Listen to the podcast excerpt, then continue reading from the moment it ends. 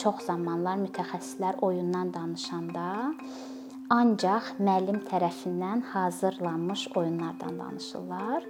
Amma tədrisdə oyunun 3 fərqli növü var. Spontan oyunlar, istiqamətləndirilmiş oyunlar və ə, müəllim tərəfindən hazırlanan oyunlar və yaxud da bunu öyrədici oyunlar deyə də deyirlər və hamı fikirləşir ki, mütləq tədrisdə oyun istifadə eləyiriksə, ancaq öyrədici oyun istifadə edirik.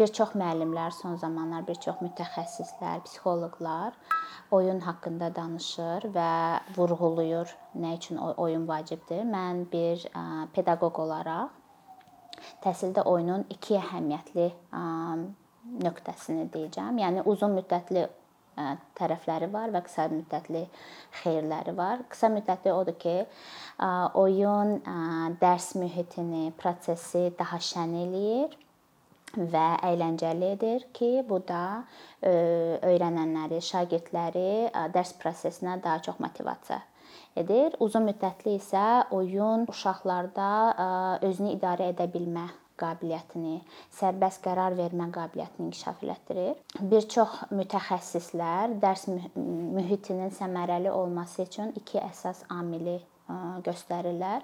Daxili motivasiya və davamlılıq, yəni uzun müddət prosesdə iştirak eləyə bilmə bacarığı. Oyun da uşağın ən çox uzun müddət iştirak eləyə biləcəyi prosesdir. Bu deməkdir ki, intristik olaraq, daxildən olaraq uşaq bu prosesdə iştirak eləməyi seçir. Fin modelinə gələndə fin təhsil sistemi oyuna böyük əhəmiyyət verir. Hətta bizim kurikulumda oyunun pedaqogikası deyə bir bölüm var və biz müəllimlər oyunun pedaqoji tərəflərini çox araşdırırıq. Nəzəriyyələrə baxsaq, alimlər uşaq inkişafı ilə bağlı inkişaf developmentalist alimlər oyunla bağlı bir çox təriflər veriblər. Məsələn, başlasaq Piaget-dən. Piaget həmişə deyirdi ki, uşaq özü özündən inkişaf eləyir və ya o uşağın təbiətdən inkişaf eləməyinə inanan alimlərdəndir.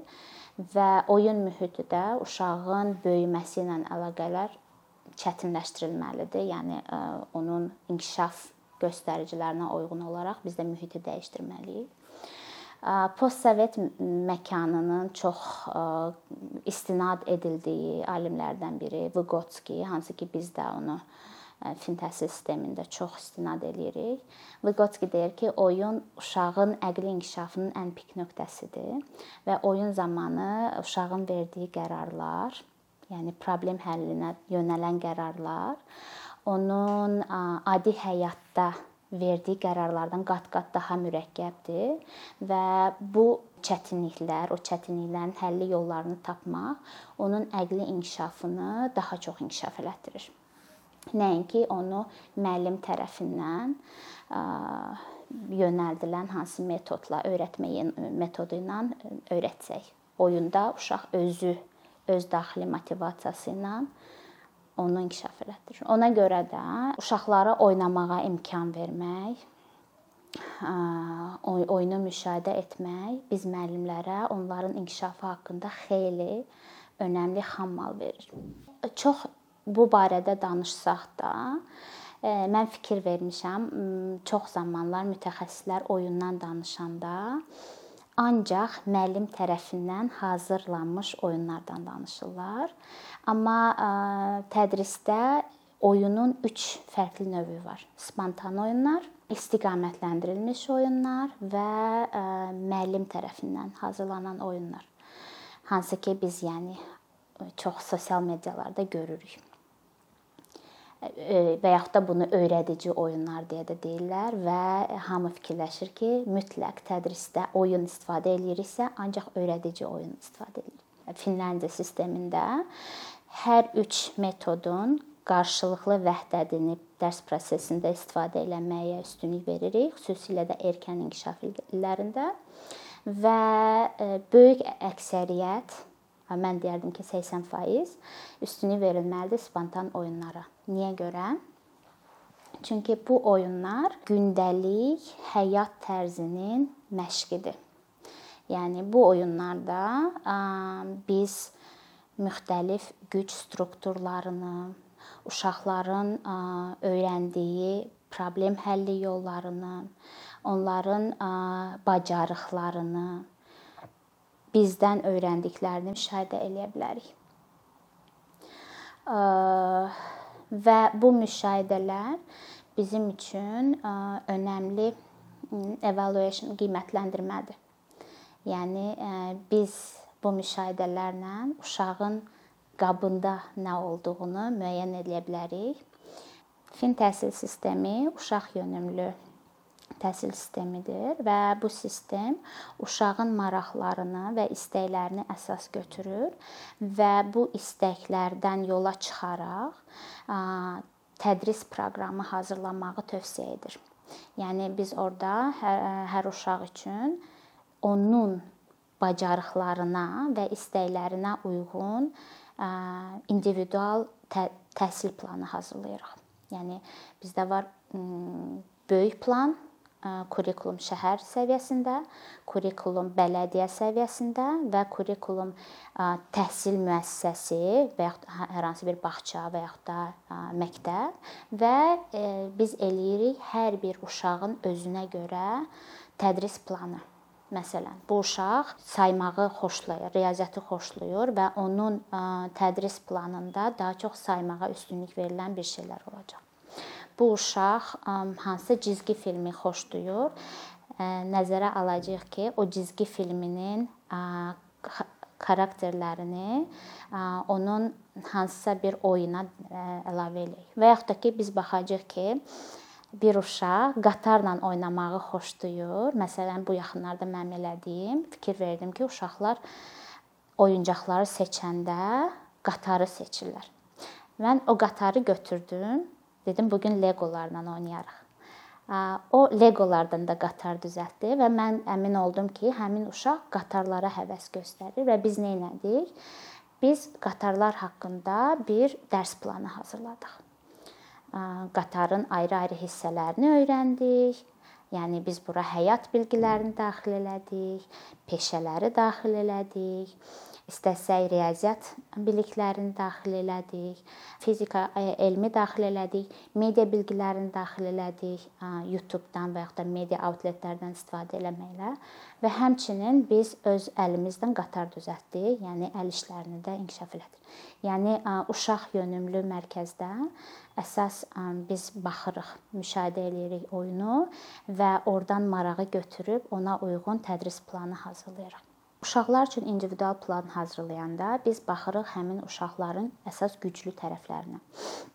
Yəni fin təhsil sistemi inklüziv olduğuna görə və hər uşağın biz orada öyrənmə yolunu və hər uşağın öz fərdini, şəxsiyyətinə hörmətlə yanaşırıq. Bağça mühitində bir fəaliyyət hazırlayanda biz nəzərə alırıq bütün qrupu və həmin qrupda ayrı-ayrı fərdlərin üstünlüklərini və yaxud da ki, öyrənmək istədiklərini və ona görə həmin fəaliyyətin daxilində o uşaqlara biz müxtəlif rollar veririk. Məsələn, biz bu qatarı hazırlayacağıq. Yəni də qatardan kim rəngləməyi xoşlayır, yaxud da rəngləməkdə yaxşıdır, o rəngləyəcək. Kim kəsməyi xoşlayır, o kəsəcək. Kim hesablamağı xoşlayır və burada alınır qrup işi, team building və artıq o uşaqlarda yaxşı bildiklərindən iştirak etdikləri üçün daha həvəsli olurlar. O fəaliyyətdə motivasiya, daha motivasiyalı olurlar. Daha ürəkdən iştirak eləyirlər. Və sonra o həmin uşağa bilmədiyi sahədən nəsə öyrətmək daha rahat olur müdaxilə eləmək, onu yönəltmək daha rahat olur. Çünki o işə artıq həvəslə girişib və o bilir ki, başqalarının yanında pis olmayacaq nə isə eləyə bilmədiyi üçün. Birinci istədiyi şeylə başlayır və ondan sonra ona bilmədiyi şeyi təklif eləyəndə o həvəsdən düşmür. Və beləliklə biz nəzərə alırıq bütün qrupu və yaxud da ki, hansısa fəaliyyəti dizayn eləyəndə baxırıq ki, bu uşağa bu çətin gələ bilər və o uşağı necə həmin oyuna və yaxud da həmin fəaliyyətə daxil eləyə bilərik. Həm də biz deyirik fin sistemində passiv iştirak da iştirakdır. Biz uşağa təklif eləyirik. Siz orada iştirak eləyin. Əgər o uşağa çətindirsə, o sadəcə olaraq müşahidə eləmək istəyirsə, bu da bizim üçün əhəmiylidir, çünki o artıq müşahidədən də bir şeylər öyrənəcək. Uşağı məcbur eləyəndə o öyrənmir. Ona görə mən demonizə olsa da spontan oyunları daha üstünlük verirəm, nəinki müəllim tərəfindən hər dəfə təklif olunan öyrədici oyunlar. Çünki o çox da nəticə, yaxşı nəticə vermir. Olur ki, məsələn, 2 gün qabaqcadan qəşəng özümdən bir ideya hazırlamışam, oyun fikirləşmişəm. 99% hallarda fiasko olub. Yəni məğlub olmuşam uşaqlara və onlar istədiklərini seçiblər. Sual oluna bilər ki, müəllimin rolu nə olacaq əgər uşaqlar bütün gün oynayırsa? Müəllimin əsas rolu bu oyunu müşahidə etməkdir və müşahidə əsasında oyun sərbəst təhlükəsiz oyun mühiti yaratmaqdır. Yəni oyun mühitinə müəllim hə, müxtəlif məsələlər qoya bilər, problemlər qoya bilər və yaxud da balaca istiqamətlər qoya bilər. Tutalım, bu uşaq rəngləri bilmirsə, mən orada rənglərlə bağlı nəsə eləyim. Uşaq rəqəmləri təzə öyrənirsə, rəqəmlərlə bağlı nəsə eləyim və yaxud da adicə sosial davranış nümunələrini onunla oynamaqla bir yerdə izah eləyə bilər. Çünki məsələn məndə belə bir uşaq var idi. Mən ona nə, nə qədər izah eləyirdim o başa düşmürdü. Amma biz onunla oyun oynayanda o e, qaydaları o dəqiqə öyrənirdi. Və yaxud da ki, belə uşaqlar var ki, onlara şəkildən görmək maraqlıdır. Elə uşaqlar var ki, onlar ə, hərəkət etməklə daha yaxşı öyrənirlər. Yəni ə, dərs mühitində oyun ə, uşaqların həm də müxtəlif öyrənmə ə, yollarını dəstəkləyir. Yəni ancaq oturub müəllimdən məlumatı almırlar. Onlar müxtəlif yollardan o biliyi alırlar. Bundan əlavə e, müşahidə bizim üçün həm də sənətdir. Yəni bu qərb pedaqogikasında müxtəlif müşahidə metodları var və müəllimlər bunu sənədləşdirirlər. Müşahidələr əsasında sənədlər yaradırlar və oyunun müşahidəsi nə ola bilər? Biz fikir verə bilərik oyunun başlanğıcına, oyunun gedişatına və oyunun sonlandırmasına. Və bu bizim bizim üçün uşaq haqqında xeyli bilik verir. Məsələn, oyunu başladı, əgər oyuna sərbəst başladısa, qaydalara əməl elədisə, bu deməkdir ki, uşağın əvvəlki bilikləri var. Yox, gedişatda da biz fikir veririk o problemləri necə həll eləyir, necə fikirləşir, başqaları ilə necə davranır. Biz artıq ona görə biz uşağın xarakterini müəyyənləşdiririk, uşağın bilgilərini müəyyənləşdiririk, harda zəif nöqtələr var, onu müəyyənləşdiririk ki, biz ona əlavə dəstək necə verək və oyunun tamamlanması bizim müasir dövrün ən əhəmiyyətli dediyimiz deadline oyunun sonlandırılması da bir çox məlumat verir bu barədə. Yəni uşaq özündən sonra oyunu təmizlədi, yerinə qoydu, başqası ilə paylaşdı, axıra qədər oyunu oynaya bildimi və s.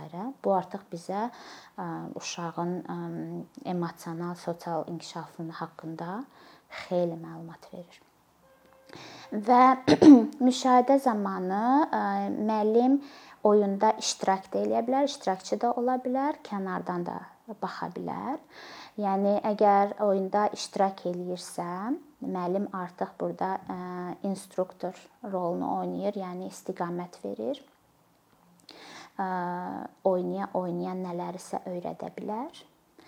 Əgər kənardan müşahidə eləyirsə, yaxşıdır ki, müəllim müdaxilə eləməsin, ancaq qeydlərini aparsın oyunla bağlı.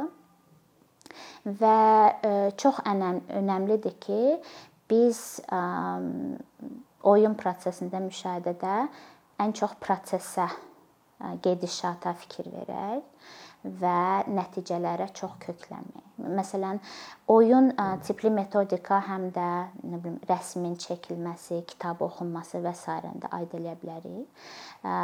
Bizim öyrədici oyunlar çox vaxt nəticəyə yönəlir. Deyək ki, çox gözəl, gözəgəlimli, estetik bir applikasiyanın hazırlanması, kartın hazırlanması bu çox yanlışdır. Yəni bizim əslində fikir verəcəyimiz o uşağın o materiallarla necə davranması, necə oynaması, hansı dialoqları o prosesdə hansı dialoqların olması çox əhəmiylidir ki, biz onları əsas götürməliyik, nəinki sonda olan nəticəni. Və təbii ki, burada müəllim uşağı ruhlandıra da bilər, sonra da motivasiya eləmək üçün tərifləyə də bilər, amma təriflərdə də biz çox diqqətli olmalıyıq ki, əgər biz həmişə uşağı necə deyim, tərifin iki növü var da, yəni ya çox pisləyə bilərsiz, uşaq demotiva ola bilər və yaxud da həddindən artıq çox tərifləyə bilərsiniz. Cızma qara eləyib, "A, nə gözəldir" deyə deməklə uşağı fiksləşdirilmiş düşüncəyə sürükləyə bilərik ki, bu da çox təhlükəlidir. Özümüz də prosesə, gedişata nəzər eləməklə bağlı uşaqları da, yanaşı uşaqları da biz gedişata köklənməyi öyrətməliyik. A, sən bunu eləyəndə nə fikirləşdin? Burada nə demək istəmisən? Və yaxud da ki, o hansısa bir cızma qara yazıbsa, uşaqdan mütləq hekayəni alıb soruşanda onlar həvəslə danışırlar ki, bu onların danışıq bacarıqlarını inkişaf elətdirir, bu onların kreativliyini inkişaf elətdirir. Bu onların yenə də problem həlli bacarıqlarını inkişaf elətdirir. Bu onların evdən gələn biliklərindən məlumat verir. Yenə də maraqlarından xəbər verir ki, biz belə müşahidə edə bilərik.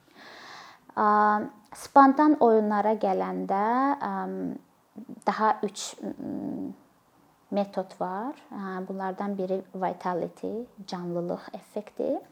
Bu nədir? Bu daha çox biz körpə uşaqlar 1-5 yaş arası uşaqlarda Yəni oyun oynayanda biz görürük ki, uşaqlar oyunlara ya kuklalara səslər qoşurlar və yaxud da hərəkətlər verirlər. İnsana aid olan xüsusiyyətləri oyuncaqların üzərinə atırlar. Yəni bu vitality effektidir. Yəni də bizə əgər biz yaxşı müşahidə eləyə bilən müəllim olsaq, biz uşağın daxili aləmində nə baş verir görə biləcəyik metodlardan biri e, interpersonal field, şəxsi zona, sahə. Bu xəbər verir oyunun müddətindən, yəni oyun mühiti və reallıq arasında gedib gələn bir sahədir. Yəni uşaq oyunda ola-ola öz daxili aləminə səyahət eləyir, ondan sonra reallığa qayıdır. Oradakı məsələn 1 dəqiqə bizim 10 saata bərabər ola bilər və yaxud da ki, əksinə, yəni çox zaman biz oyunu tez yekunlaşdırmaq istəyəndə nəzarət eləməliyik buna ki, uşaq nə qədər oyun içərisindədir, nə oynayır, buna necə müdaxilə eləyəcək. Uşaqdan soruşmaq lazımdır ki, indi hansı səviyyədəsən? Bunu sonra davam eləyə bilərik kimi və yaxud da yox ki, sonrakı konfliktlərin qarşısını ala bilək. Başqa bir effekt oyunun müşahidəsində holding effekti deyirik, tutma. Bu ən çox asılıdır. Yəni də oyunda uşağın davamlılığını göstərir. Nə nə qədər o oyunun içərisindədir.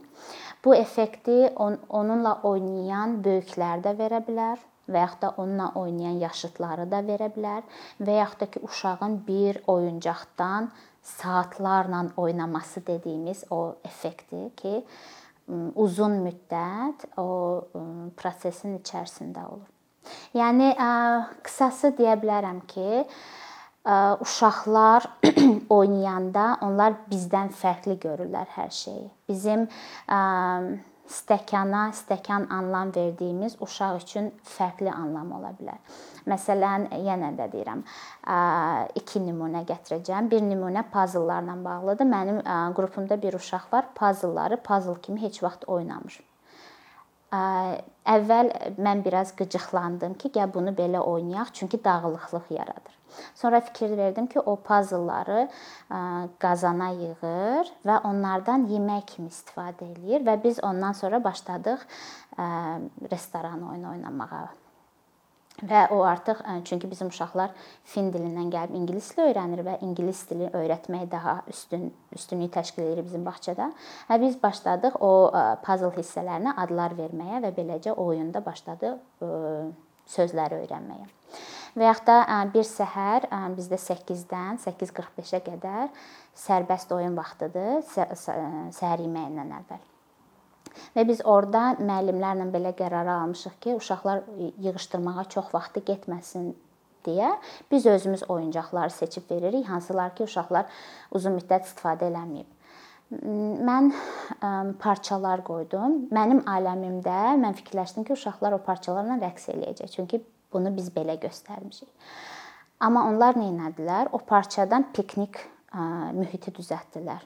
Yəni bir parça olmuşdu dəniz, bir parça olmuşdu hovuz, bir parça olmuşdu uzanmaq üçün yerlər, bir parçada olmuşdu piknik ədyalı və onun üstündə yeməklər yeyirdilər və mən kənardan durub baxan, ondan sonra tonqal qaladılar və s. və ilə axır və o çox önəmsiz parçalar o oyunda çox əhəmiyyətli idi və o uşaqlar demək olar ki 40 dəqiqənin 40-ını başqa oyuncaqdan istifadə eləmədən o parçadan istifadə eləyirdi.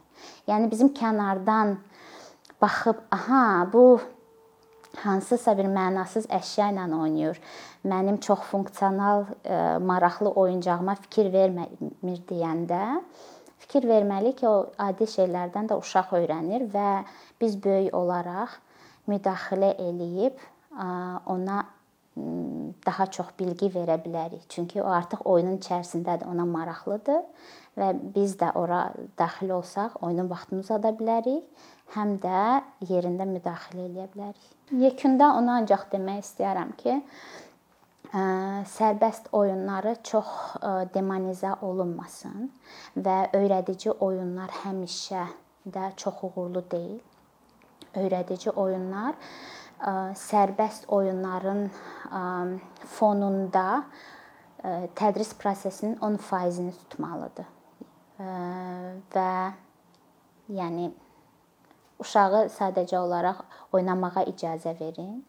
O həmişə oturub yazmaq öyrənməli deyil, amma oynamalıdır. Çünki onun ən təbii haqqıdır. Thank